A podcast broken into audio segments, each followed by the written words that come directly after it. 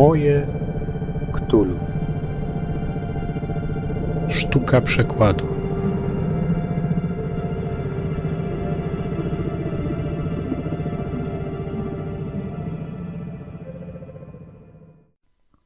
Cześć, jestem Kacper i witam Was w podcaście Moje Ktulu. Moje Ktulu to podcast dla graczy i strażników tajemnic, którzy chcą poszerzyć i pogłębić wymiar nadnaturalnej grozy na swoich sesjach w Zew Cthulhu RPG. Dla wszystkich miłośników grozy nadnaturalnej Howarda Phillipsa Lovecrafta i mitów Cthulhu w grach komputerowych, karcianych, planszowych i wszelkiego rodzaju innych emanacjach popkulturowych tej twórczości. Dzisiejsza audycja jest nieco krótsza niż te, które nagrywam dla Was zazwyczaj. Ma to związek z tym, że kiedy ona się ukazuje, kiedy możecie jej słuchać, to jestem na wakacjach, jestem na urlopie. Więc przygotowałem ją zawczasu, bez tradycyjnej sekcji newsowej, opierając się na nagranym kilka miesięcy temu wywiadzie z Maciejem Płazą, tłumaczem Howarda Phillipsa Lovecrafta, nagrodzonym Nagrodą Literatury na świecie za swój przekład, e, za przekłady ogłoszone w tomie Zgroza w Danwich, które wydało wydawnictwo Vesper najaktywniejszy, najważniejszy teraz wydawca literatury e, Lovecraftowskiej w Polsce. Rozmawiałem z Maciejem Płazą, jak mówię, kilka miesięcy temu w Poznaniu i była to rozmowa bardzo ciekawa, bardzo inspirująca, więc cieszę się, że mam teraz okazję, żeby się z Wami nią podzielić. W tym wydaniu, poza rozmową z Maciejem Płazą, przygotowałem dla Was jeszcze jeden e, fragment muzyczny. Jest to klasyczny utwór, można powiedzieć, standard, absolutny klasyk muzyki bluesowej, e, który miał również swoje wcielenia bluegrassowe w owym okresie, czyli w wykonaniu e, Led Belliego, jednego z najsłynniejszych czarnych bluesmenów dawnych lat, klasyczny utwór Where Did You Sleep Last Night? Myślę, że znacie ten utwór na pewno. On funkcjonuje pod różnymi tytułami, również jako In the Pines albo My Girl. Jest to tradycyjna piosenka folkowa folkloru amerykańskiego, którą unieśmiertelnili i na cały świat wypromowali muzycy Nirwany. Przede wszystkim słynne nagranie z Nirwany MTV Unplugged z 1993 roku jest tutaj mm, tym najważniejszym śladem i, i najsilniejszym wykonaniem tego utworu. A dla Was przygotowałem coś oryginalnego, coś e, z głębi historii. Tutaj właśnie wykonawcą jest e, Led Belly, czyli właściwie Huddy William Ledbetter, który e, nagrywał w latach 30., 40., był folkowym i bluesowym śpiewakiem amerykańskim z Luizjany. I troszkę właśnie takiej czarnej bluesowej muzyki niech nam towarzyszy dzisiaj jako akompaniament do wywiadu z Maciejem Płazą. Dziękuję Wam bardzo za to, że subskrybujecie podcast Moje Ktulu. Możecie słuchać mnie na iTunesach, na Google Podcasts, możecie słuchać na YouTubie, możecie słuchać bezpośrednio e, w przeglądarce na stronie mojektulu.pl. Podcast ukazuje się też na wszystkich liczących się platformach podcastowych. Zachęcam do subskrybowania oraz do śledzenia fanpage'a lub profilu facebookowego. Dzięki temu będziecie na bieżąco zarówno z audycjami i konkursami, jak i z różnymi ciekawostkami i newsami ktulowymi, które często tam zamieszczam. Nie przedłużając, czas pochylić się nad sztuką tłumaczenia, nad sztuką przekładu. Zaczynamy.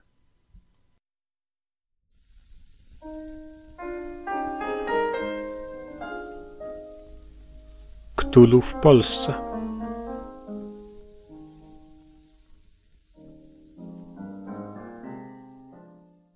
Gdyby pan zechciał spojrzeć na, takie, na taki dylemat, czy, czy Lovecraft jest pisarzem pierwszorzędnym, pisarzem wybitnym, który po prostu przez pewne uwarunkowania społeczno-psychologiczne poszedł ścieżką e, no tak, palpu, szmiry, tak, poszedł ścieżką środowiskowo, jeśli chodzi o to życie literackie, to wybrał taką ścieżkę, w której no, znalazł się w pewnej kategorii, w pewnym segmencie i dopiero dzisiaj mm, czy, czy dopiero długo po śmierci można było go docenić, czy on po prostu jest e, mainstreamem tego gatunku i tego aspektu życia literackiego, którym są opowieści niesamowite, e, właśnie pulp, właśnie powieść brukowa, brukowa powieść grozy, nadnaturalna groza, ale w wydaniu popularnym. E, po której stronie pan jako no, jego tłumacz przede wszystkim, jako osoba, która się zagłębiła w niego e, do, do, do samego sedna, gdzie by go pan umieścił? I czy te kategorie w ogóle są pomocne w jakikolwiek sposób? Lovecraft jest pisarzem, który mieści się w gatunku literatury niesamowitej, natomiast go inaczej. On wyrasta z tego gatunku, ale go przerasta, przekracza. Wszystko y, w nim, a przynajmniej dużo cech jego umysłowości, jego, jego, jego erudycja, jego przygotowanie literackie, jego zainteresowania predestynowały go właściwie do tego, żeby być pisarzem no, tak zwanego głównego nurtu. To jest po prostu wybitny pisarz i, i, i bardzo głęboki, przenikliwy myśliciel. Natomiast mm, też pewne cechy jego umysłowości zadecydowały o tym, że sposobu, y, y, środku wyrazu dla swojej filozofii człowieka i świata szukał w literaturze palpowej. I z niej, z niej pełnymi garściami czerpał. Świadomie i odważnie, znaczy on nie bał się tego robić, chociaż doskonale znał y, proporcje, jakby wiedział, że ta literatura, literatura palpowa, która się rodziła na jego oczach i on ją pochłaniał po prostu całymi tonami, on doskonale wiedział, ile to jest warte. Kiedy zapożyczał jakieś motywy z literatury palpowej, z takiej właśnie fantastyczno-horrorowej pulp fiction, to wiedział, co robi. A zarazem nie bał się tego, bo wiedział, że do, w, jak, w jakich celach tego używa i co mu to da. E, to był pisarzem samoświadomym bardzo, odważnym w takim sensie literackim. Mm, Natomiast on ze względu na, na, na, szerokość swoich horyzontów i na talent też po prostu nie mieści się w tym, w tym, w tym gatunku. Mhm. Także go przekracza. Ten opis, którego pan używa mówiąc o Lovecraftie, daje podstawy do tego, żeby powiedzieć, że to jest pisarz arcydzielny, że to jest pisarz, który e, zagospodarowuje całą niszę, w której się znalazł, konwencję, którą zastał i ją rozsadza swoim talentem, rozsadza ją e, swoją twórczością. No i na tle swoich różnego rodzaju epigonów to chyba rzeczywiście tak wygląda, bo nie wiem, czy nawet mówimy o tych najpopularniejszych ludziach jego środowiska, takich jak Howard czy Derlew, no to Lovecraft chyba rzeczywiście literacko ich e, przerasta. Ale czy to nie wywołuje w nim żadnego e, dysonansu? Wiem, że to jest człowiek szalenie skomplikowany. Czy on w ogóle miał ambicje, żeby być pisarzem głównego nurtu, czy e, z jakichś e, przyczyn, jeśli tak, to z jakich, był zadowolony z tego miejsca, które mu przypadło. Bo to miejsce też, gdyby się bardziej postarał, mogłoby mu przynieść całkiem e, no, przyzwoity poziom życia. Tak? On za Horror Dunwich chyba dostał coś rzędu 400 e, dolarów. To były bardzo wysokie honoraria jak na tamte czasy. Gdyby się bardziej postarał, mógłby z tego żyć. Ale czy byłby e, spełniony? Czy, czy on, patrząc na siebie jako pisarza gatunkowego, pisarza pulp fiction, nadnaturalnego horroru, E, w literaturze popularnej e, nie miał wobec siebie żadnych zarzutów, że do czego innego jest powołany? Lovecraft był idealistą jako pisarz i mm, jego nastawienie było bardziej takie, że mm, bardziej bolał nad tym, że literatura nie nagina się do niego, do jego, do jego nastawienia twórczego, jego wyobrażeń. Znaczy miał swoją wizję literatury, czyli mm, medium, środka wyrazu, który, który, który pozwala wyrazić osamotnienie, strach i osamotnienie człowieka wobec, wobec kosmosu, wobec bezmiaru czasu, wobec własnego bestialstwa, też własnej zwierzęcości, własnej nieludzkości. Uważał, że ta konwencja, którą wybrał, jest do tego najbardziej predestynowana i był temu wierny. E, uważał też, on, Lovecraft gardził też literaturą realistyczną, uważał ją za banalną, trywialną i, i pospolitą. Uważał, że pisarze realiści, literatura realistyczna to jest, jak, jak to określał, jak plotki powtarzane przez, przez służących na tylnych schodach. E, I jego to po prostu kompletnie nie interesowało. Myślę, że na pewno miał taką wizję siebie, mógł mieć taką wizję siebie jako pisarza, nazwijmy to głównego nurtu, który robi karierę i zarabia na tym pieniądze, ale jako, jako, jako literacki, literacki ale też właściwie życiowy idealista pewnie nie brał tego nigdy poważnie pod uwagę. Nie sądzę, żeby mógł się nagiąć do takich do takich yy, okoliczności, nazwijmy to. No bo w jego postrzeganiu samego siebie, nie mówię w życiorysie, interesuje mnie bardziej ta warstwa psychologiczna.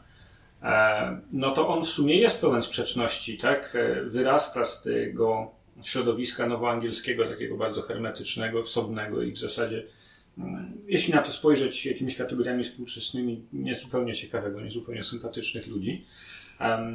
ale też sam się nie identyfikuje. Identyfikuje się z tym silnie, ale woli mówić o sobie, że jest Brytyjczykiem, albo mówić o sobie, lub wyobrażać sobie siebie jako człowieka, którego wiedza, erudycja i talent w zasadzie otwierają przed nim cały świat E, czy te sprzeczności i te, te, te napięcia życi, życi, życiorysie Lovecrafta, kiedy czytamy na przykład Wyrzutka, kiedy czytamy to opowiadanie The Outsider, to one mówią nam o tym, że psychologiczny pejzaż przeżyć jego bohaterów jest e, w jakimś sensie wyrazem czy artystycznym przetworzeniem jego własnego poczucia zagubienia w świecie i nieadekwatności, czy jednak jest to mm, kreacja, która, która nie jest jakoś tam kryptobiograficzna, tylko, tylko po prostu no, jest, jest, jest jego dziełem i on jest tego świadomy, że mm, przetwarzanie swoich własnych przeżyć, swoich własnych doświadczeń nie jest wystarczającym e, paliwem dla, dla pisarza. Myślę, że, myślę, że Lovecraft świadomie nie, nie, nie, Myślę, że Lovecraft nie pisał z takim nastawieniem, żeby pisać o sobie. Mhm. Oczywiście jego bohaterowie są, y, mają jego cechy, powiedzmy cechy jego umysłowości. Y, być może, znaczy oczywiście naszym prawem jako, jako krytyków, jako interpretatorów jest interpretowanie takich opowiadań jak Wyrzutek, który rzeczywiście jest czymś osobnym jednak, czym, czymś innym.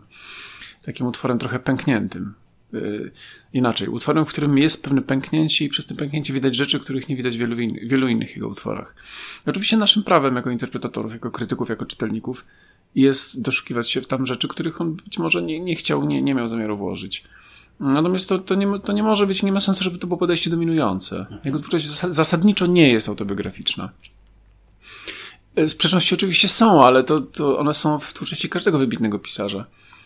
Lovecraft był Amerykaninem, chciał być Brytyjczykiem.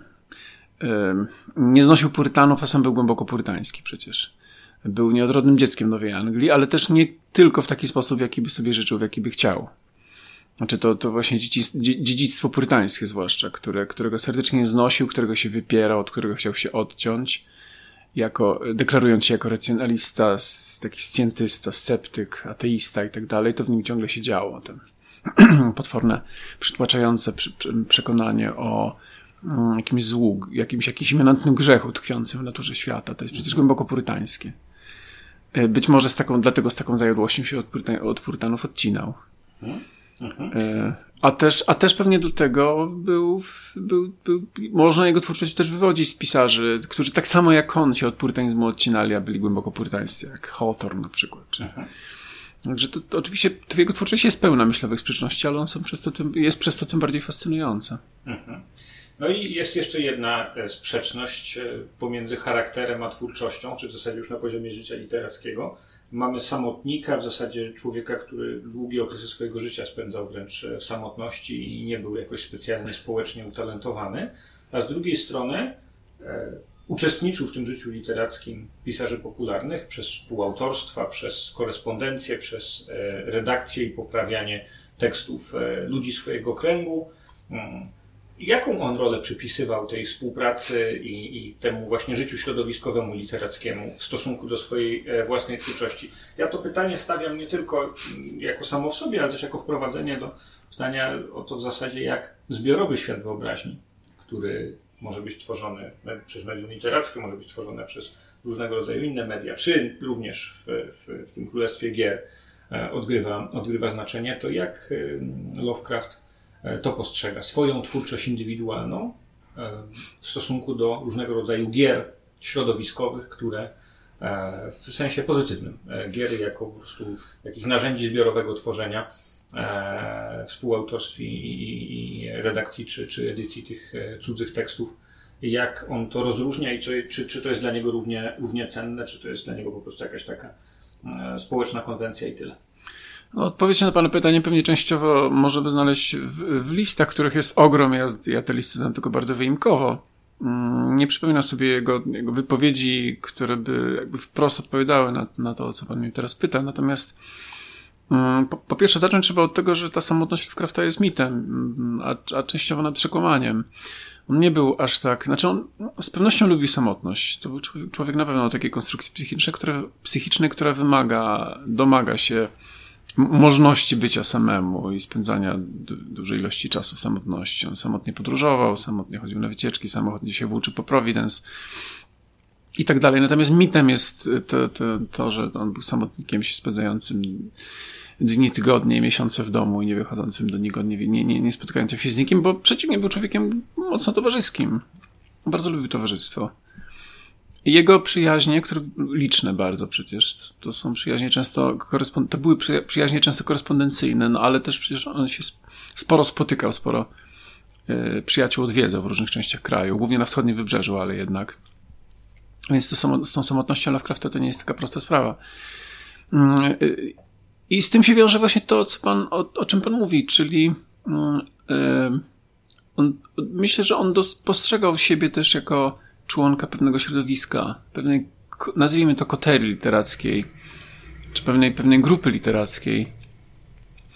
Yy, przecież między nim i jego przyjaciółmi, jego kolegami, koleżankami też, pisar, pisarzami, pisarkami, którym pomagał, których utwory poprawiał, często wręcz pisał od nowa była trwała nieustanna cyrkulacja pomysłów, pomysłów, wątków, motywów i to często miało charakter żartów literackich. No, te fikcyjne księgi tajemne, nazwiska tych fikcyjnych e, jakichś magów, nauk, uczonych, no, typu tam książka, nie wiem, Kult Guli. Ten, u nas u, u, tak, tego... von Junsta, tak. No to są, to są, to są takie byty wymyślane niekoniecznie przez Lovecrafta. To część, część z tych rzeczy wymyślili jego koledzy i to po prostu cyrkulowało po, po, po, po ich twórczości. No, pięknym przykładem jest w ogóle, pięknym i zabawnym przykładem jest historia z, związana z opowiadaniem na Widziciel Mroku, gdzie występuje niejaki, bohaterem jest niejaki Robert Blake i tam, tam jest między innymi podany jego adres. On przyjeżdża do Providence, ale jest podany jego adres w Milwaukee bodajże. No i to jest zaszyfrowana postać, bardzo pobieżnie zaszyfrowana Roberta Blocka, jego, jego przyjaciela. E, a była, był to wynik takiej zabawy literackiej. Robert Block w jednym ze swoich utworów e, stworzył e, bohatera wzorowanego wyraźnie na Lovecraftie, uśmiercił go. Lovecraftowi się to bardzo spodobało, ale wymógł na nim prawo do uśmiercenia jego, czyli bloka w jednym ze swoich utworów. No i tak, tak zrobił po prostu. A ten, ten adres e, Roberta Blake'a w Nawiedzicielu Mroku to jest po prostu adres, pod którym mieszkał blok właśnie. Autentyczny jego adres. On występuje tam w majakach bohatera. Także to jest, to, to, to oni się dobrze bawili po prostu wymyślając tę historię. Lovecraft miał też dystans do swoich, tych, tych swoich bóstw. To, to, to, to u człowieka dużym poczuciu humoru i dużym, dużym poczuciu i dużej potrzebie socjalizowania się takiego właśnie literackiego, wymiany pomysłów, cyrkulacji jakichś idei, pomysłów, ale też, ale też żartów po prostu.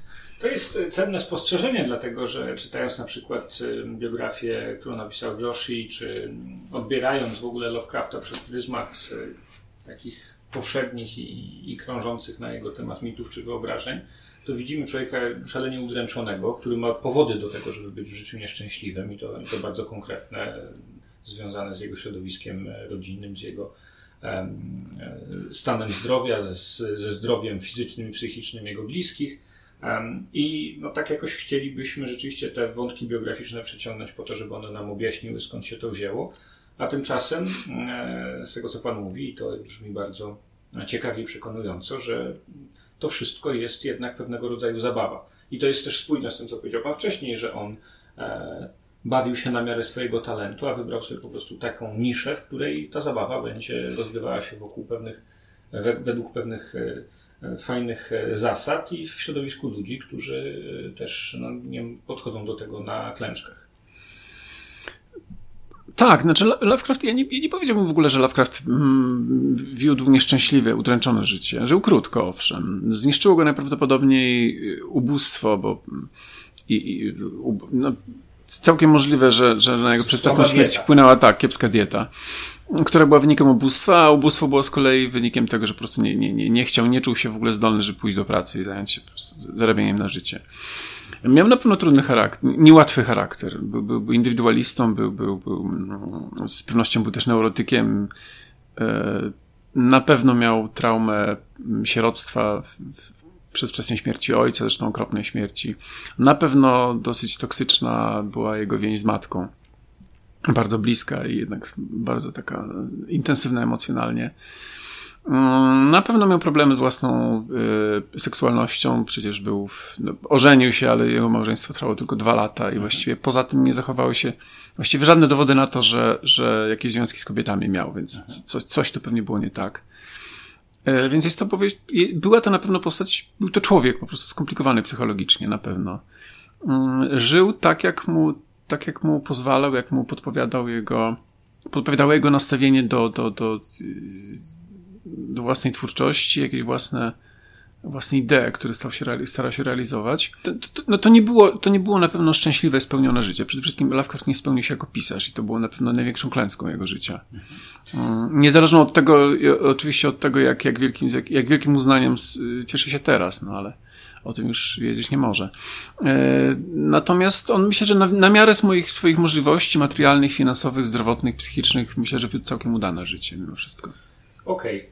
E, I tutaj, e, jeśli chodzi o jego szczęście do wydawców, szczęście do e, honorariów, czy, czy, czy stosunek, jakąś taką socjalizację do dostatniego, brak socjalizacji do dostatniego, normalnego, czy, czy chociaż na średnim poziomie życia, no to można powiedzieć, że nie ma też szczęścia w recepcji, a przede wszystkim, tak jak Pan wielokrotnie wskazuje, w przekładach.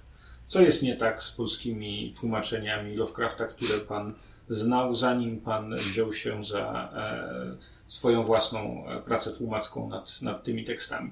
Jakie zarzuty w zasadzie należy im postawić? Bo to są teksty, które czy w tych wydaniach e, jeszcze PRL-owskich czytelnika, czy później w, w to, co wydawnictwo SR wydało w warszawskich latach 90., już nie odnosząc się do personaliów konkretnych osób, które tych, tych przekładów dokonały, to co, czego tam brakuje, albo co Pańskim zdaniem tam umyka, bo wydawałoby się, że one są całkiem zadowalające dla polskich czytelników.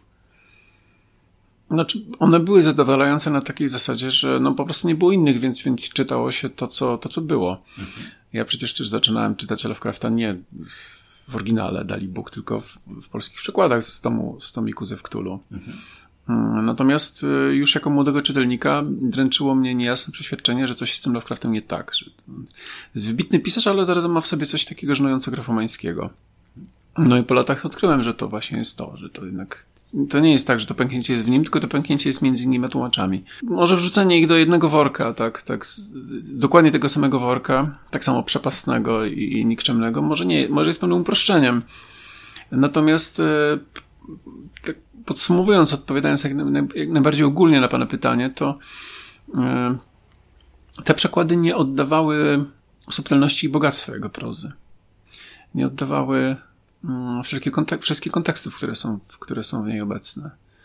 E, wszystkich e, odcieni stylistycznych, mm, ale też kontekstów właśnie literackich. Lovecraft bardzo dużo zapożyczał. Robił to twórczo, ale zapożyczał, dużo zapożyczał świadomie. Mm, z Edgara Allana Poe, z Lorda Danciniego, z Artura McKenna, z, z prozy XVIII-wiecznej. No to lista jego zapożyczeń jest ogromna. Co jest K silniejszą stroną Lovecrafta, która ginęła w tych tłumaczeniach? Jego pokrętna i, i dziwaczna, upiorna, ale jednak e, literacko bardzo wartościowa leksyka, czy właśnie te konteksty i ten wymiar intertekstualny?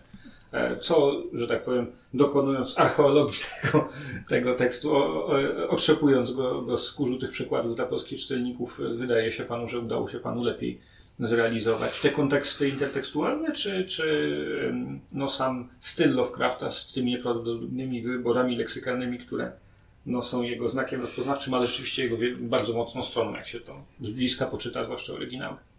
No, lista grzechów tłumaczy jest długa. No, tu, jego tłumacze skracali, no, dzielili zdania, które ta długość zdania Lovecrafta ma znaczenie, bo to jest pisarz, który potrafi pisać długimi, pięknymi, misternie skonstruowanymi zdaniami. E, usuwali fragmenty, które uznawali za trudne albo im się nie podobały z jakichś powodów. Tak, naprawdę. E, dodawali często. Na przykład są takie strumienie przymiotników bardzo charakterystyczne dla Lovecrafta, w których czasami zdarzały się rzeczy, jakieś określenia, epitety dodane przez tłumaczy. Mm, znany, znany wszystkim czytelnikom y, Lovecrafta, polski Mateusz Kopacz, świetny tłumacz i Lovecraftolog, y, wykazał to, to wszystkie, wy, wymienił te grzechy i zaniedbania tłumaczy w swoim artykule mhm. kiedyś. To jest rzeczywiście, to można się za głowę złapać. Co oni, co oni potrafili robić i dlaczego to robili. No i przychodząc, zastając taki stan tych przekładów, jakie pan sobie cele postawił, tłumacząc Lovecrafta? I jak z realizacją tych celów było? To znaczy, na ile pan jest usatysfakcjonowany tą pracą, a na ile no jednak spotkanie z tym, z tym trudnym materiałem było dla pana ciężkim doświadczeniem? To było trudne na samym początku. Zresztą ja zaczynałem tłumaczyć Lovecrafta, Lovecrafta jako tłumacz dosyć niedoświadczony, natomiast na pierwszym tomie, czyli na zgrozie Danwich, nauczyłem się tylu, tyle, co na kilkunastu książkach. Nie, przesadzam. to był rok pracy i 800 stron, które mnie nauczył po prostu właściwie trzech czwartych rzeczy, które umiem jako tłumacz. E, moje zadanie było proste. Chciałem, chciałem proste i nieproste zarazem. Chciałem pokazać chciałem pokazać Lovecrafta takiego, jak, na jakiego zasłu- takiego na jak, jak, jak on to zasługuje, czyli w całym bogactwie jego, jego leksyk, jego stylistyki, odniesień, kontekstów i tak dalej. Mm. To zadanie było trudne nawet nie, nie dlatego, że musiałem budować długie zdania, czy, czy, czy sięgać do jakichś zasobów e, leksykalnych, nieużywa, nieużywanych dzisiaj, zapomnianych, obecnych głównie wśród upisarzy, nie wiem, młodopolskich, na przykład Leśmiana, mhm. czy Antoniego Langego, czy tam Stefana Grabińskiego. E, no, Grabiński jest jakiś pisarz postmłodopolski, ale młodopolski stylistycznie. E, najtrudniejsze było chyba to, że musiałem wymyślić, znaczy przyjąć pewne założenie już na początku, znaczy zastanowić się, jak, mm, właściwie jakim językiem mógłby, jaką polszczyzną pisałby Lovecraft, gdyby, gdyby tworzył po polsku. Mhm. No to rzeczywiście chyba byłby młodopolaninem e, prawdopodobnie. Tak mi się wydaje właśnie. Młodopolaninem, ale też yy, powiedzmy już takim, takim postmłodopolaninem, mhm. kimś takim jak Grabiński trochę, czyli już wyposażonym w narzędziownię językową, tak powiedzmy lat 20. i 30 znającym język naukowy, mm, wyposażony w pewną precyzję języka, której często pisarze młodopolscy nie mieli, bo, bo nie potrzebowali jej. Lovecraft był przecież ścisłym umysłem bardzo i niesamowicie ścisłe są na przykład jego opisy. Mm, opisy miast, opisy budynków, opisy wnętrz, to można po prostu rysować mapki według tego. I on, i on to rysował według map, sprawdziłem to. Yy, więc, i, ale zresztą widać to w jego, w jego książkach. On jest niesamowicie precyzyjny i dokładny. E, więc... A z drugiej strony jest wolny jednak od tych prozy realistycznej, obowiązków zbędnego szczegółu, obowiązków jakiegoś takiego kluczenia w realnym świecie. To znaczy on rzeczywiście czerpie e, krajobrazy, miejsca, lokacje, które opisuje. E, można wyśledzić jakieś ich te źródła czy, czy, czy kierunki tej inspiracji, a z drugiej strony też nie nie stara się za wszelką cenę powiązać tego, ukryć tego gdzieś w tej rzeczywistości, pisać te wszystkie e, miejsca jego zmyślonej geografii w Nowej Anglii, ale też w muzyce Richa mm, Zana jego e, przedstawienie tej, e, tego domu i tej ulicy mm, nie wiadomo gdzie, pewnie paryskiej albo gdzieś w każdym razie w Starym Świecie, mm, tym francuskojęzycznym, no to też jest pozbawione tego, tego, tego obowiązku, że dopiero za trzecim rogiem wchodzimy w świat wyobrażony. Tak, to od, od samego początku jest e, świat Lovecraftowskiej wyobraźni. To też jest, można powiedzieć, mocną stroną jego, że, że się nie, nie bawi w e, e, zbyt obowiązkowe i skrupulatne wiązanie tego z jakimiś tam historycznymi czy, czy, czy, czy krajoznawczymi faktami. Tak, ale z drugiej strony Lovecraft jest bardzo, był bardzo aktualny pod względem dat i realiów też. Nie zapominajmy, że on umieszczał te swoje historie, które dla nas są pokryte jakąś patyną i są, są już nieco archaiczne i odległe czasowo przestrzennie. One się działy dla czytelników Lovecrafta tu i teraz. Mhm. Opowiadania, które pisał w latach 20. czy 30., e, no, występowały w nich na przykład gazety, numery czasopis, wydarzenia, które się dzieją teraz były mowy na przykład o numerze gazety takim czy, takiej czy innej z 2007, przepraszam, 27 roku na przykład i to opowiadanie pisał w 27 czy 28 roku. Więc spróbujmy sobie to wyobrazić. No to tak jakby teraz pisać te opowiadania w polskich realiach i na przykład podawać, że w, w numerze Rzeczpospolitej czy Gazety Wyborczej ukazał się artykuł do, i, i, podać datę sprzed miesiąca. To byłoby wrażenie aktualności, takiej, takiej ogromnej bliskości, które oczywiście tworzy pewną iluzję współtworzy pewną iluzję, że to się dzieje za rogiem, gdzieś tutaj teraz, prawda? No, to dodaje jest- temu też ten rys prawdopodobieństwa, który Tak, sprawia, oczywiście. że niesamowitość jest jeszcze bardziej niesamowita. Dokładnie. I ta niesamowitość u niego jest rzeczywiście czymś potwornym z innego świata, ale ono się czuje, czai tuż za rogiem. Ono jest tuż obok gdzieś, gdzieś koło nas, prawda? To nam się to wydaje rzeczywiście, że to jego utwory są pełne fantas- fantasmagorii i tam możemy mieć czasami łudzące wrażenie, że to jest tak fantasmagoryczne, że aż nierealne i nierzeczywiste. Ale nie, to jest, to jest, tam jest, tam jest dużo konkretu bardzo i to jest, to jest też wielka siła jego opowiadań.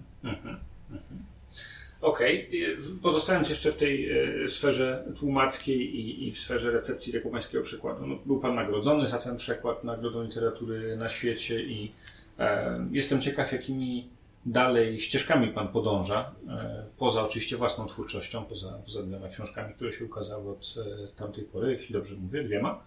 E, I z Koruni, ta ostatnia, Robinson w Tak. Bolechowie. W Bolechowie. Bolechowie, to mm, czy coś jeszcze zostało, poza oczywiście warsztatem, o którym Pan mówił, z tych przykładów Lovecrafta, czy są jakieś wątki, które pojawiły się wtedy, a Pan je w pewnym sensie kontynuuje? Lovecraftowskie wątki. Tak.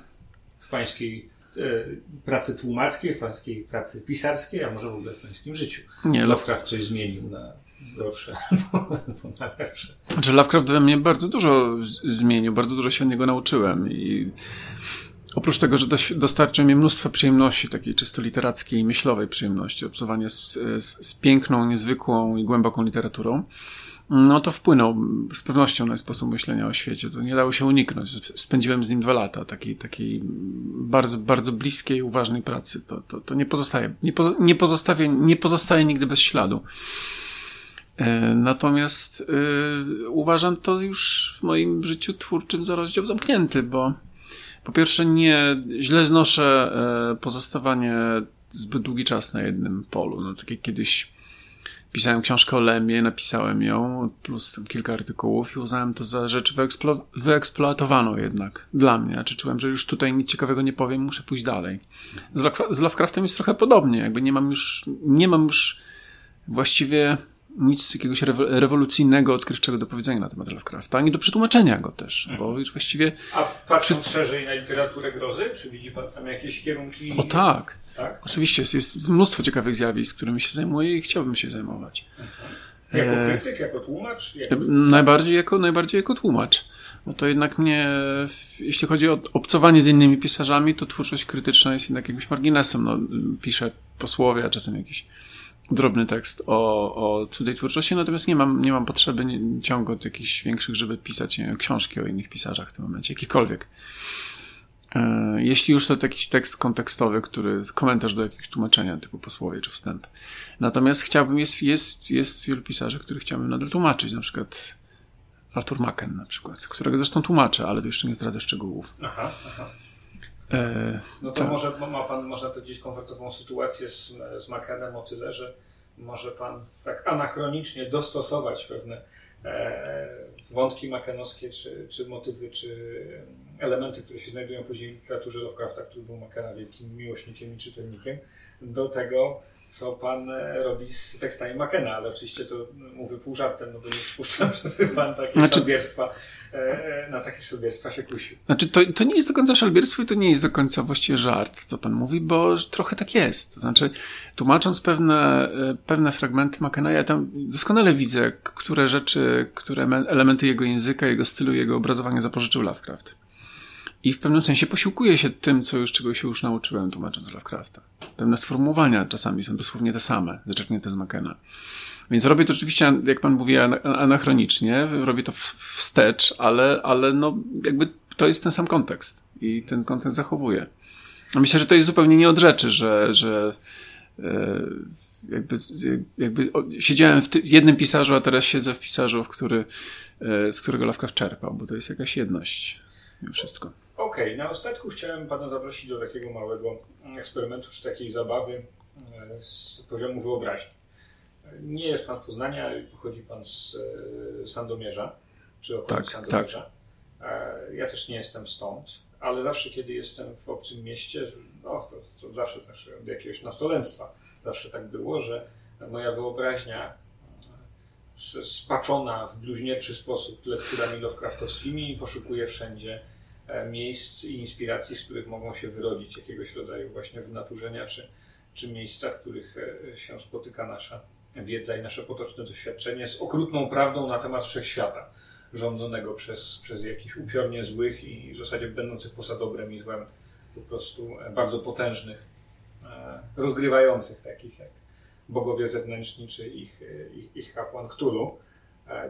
Jakie są miejsca w Polsce, które w Panu najmocniej poruszają tę strunę Lovecraftowską, czy, czy strunę grozy? Bo no, nie mieszkamy w Nowej Anglii.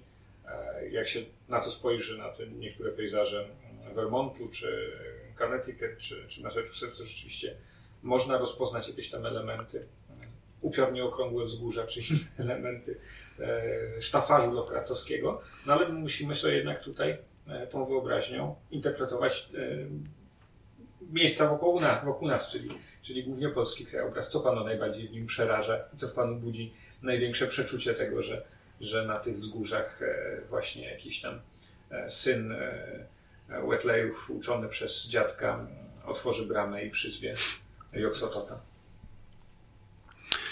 Zabij mi pan ćwieka. Nigdy nie myślałem o polskim krajobrazie w taki, w taki sposób, aczkolwiek jest to... E krajobraz, w którym łatwo byłoby, łatwo można takie, mm, takie dziedzictwo, powiedziałbym, i takie skojarzenia znaleźć, tylko w trochę chyba jeszcze mroczniejszy, ale inaczej mroczny sposób niż, niż, niż, niż pan ma na myśli. Znaczy nasza ziemia, nasza ziemia jest, jest, e, jest pełna krwi. E, jest straszliwie mroczna przez to, co się na niej działo, prawda, co się na niej zdarzyło. E, Lovecraft miał obsesję mrocznej przeszłości stron, z których, z których się wywodził, które z, z swoich stron ojczystych. Natomiast on sobie musiał tę mroczność dosztukowywać, dopisywać swoją wyobraźnią.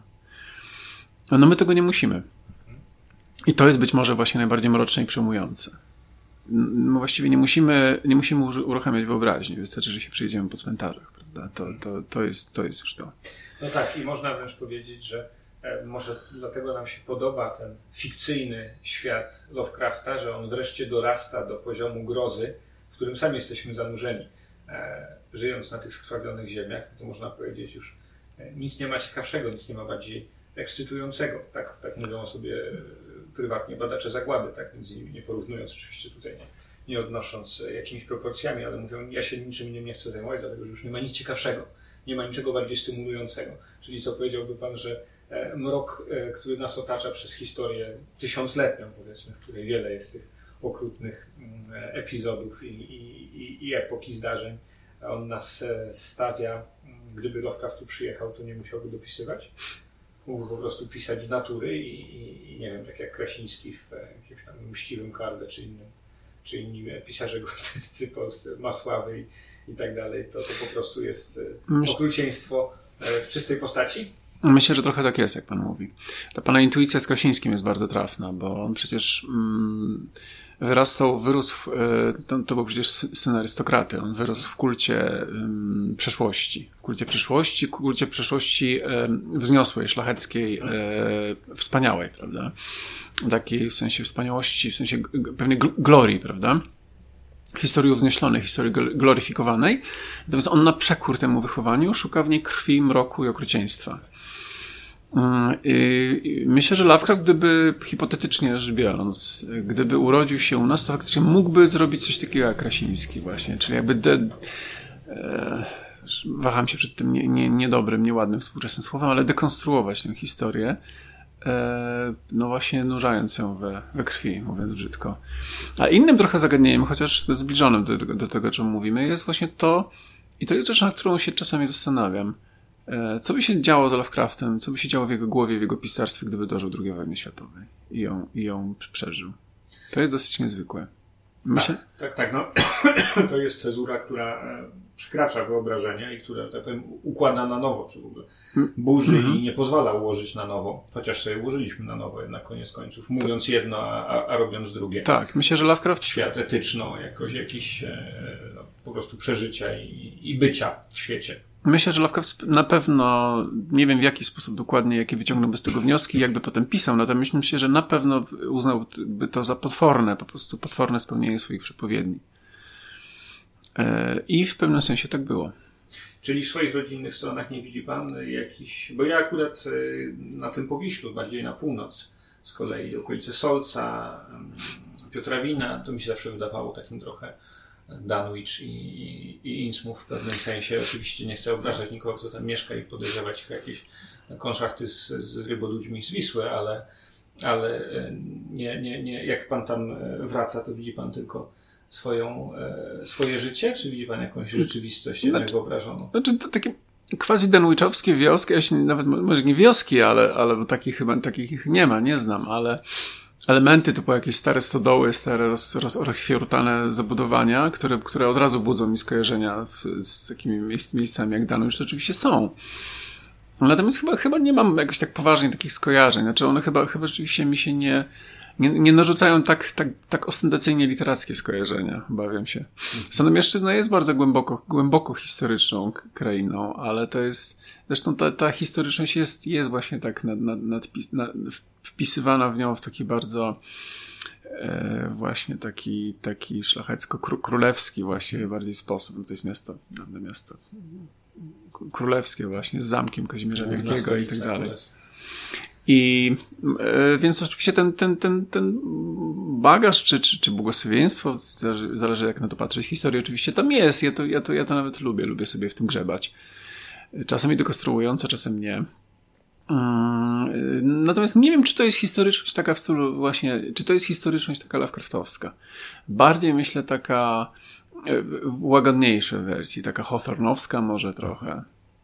E, ale jak powiadam, kiedy myślę o tej mrocznej historyczności naszych ziem, w sensie całej, całe, całego naszego kraju, tych jego części, które w naszych granicach zostały i tych, które są poza, jak, jak, jak na przykład Kresy Wschodnie, no to mi się nasuwa y, y, myśl o, o, o, o nieprzebranym okrucieństwie, ale właśnie nie Lovecraftowskim, to, to, to takim, takim y, dużo mniej literackim, mówiąc delikatnie. Nie, nie muszę chyba rozwijać tego tematu. Bardzo dziękuję za poświęcony czas. Dziękuję za tę rozmowę. Dziękuję bardzo.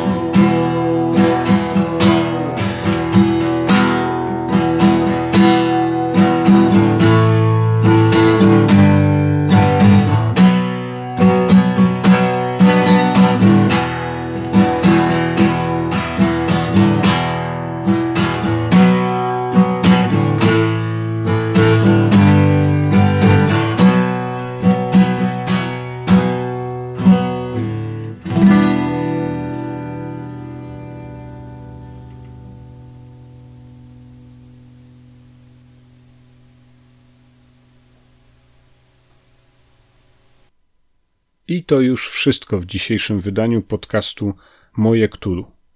Dziękuję Wam bardzo za uwagę. Zapraszam do słuchania ponownie za dwa tygodnie i pozdrawiam z ostępów Izabelińskiej Puszczy.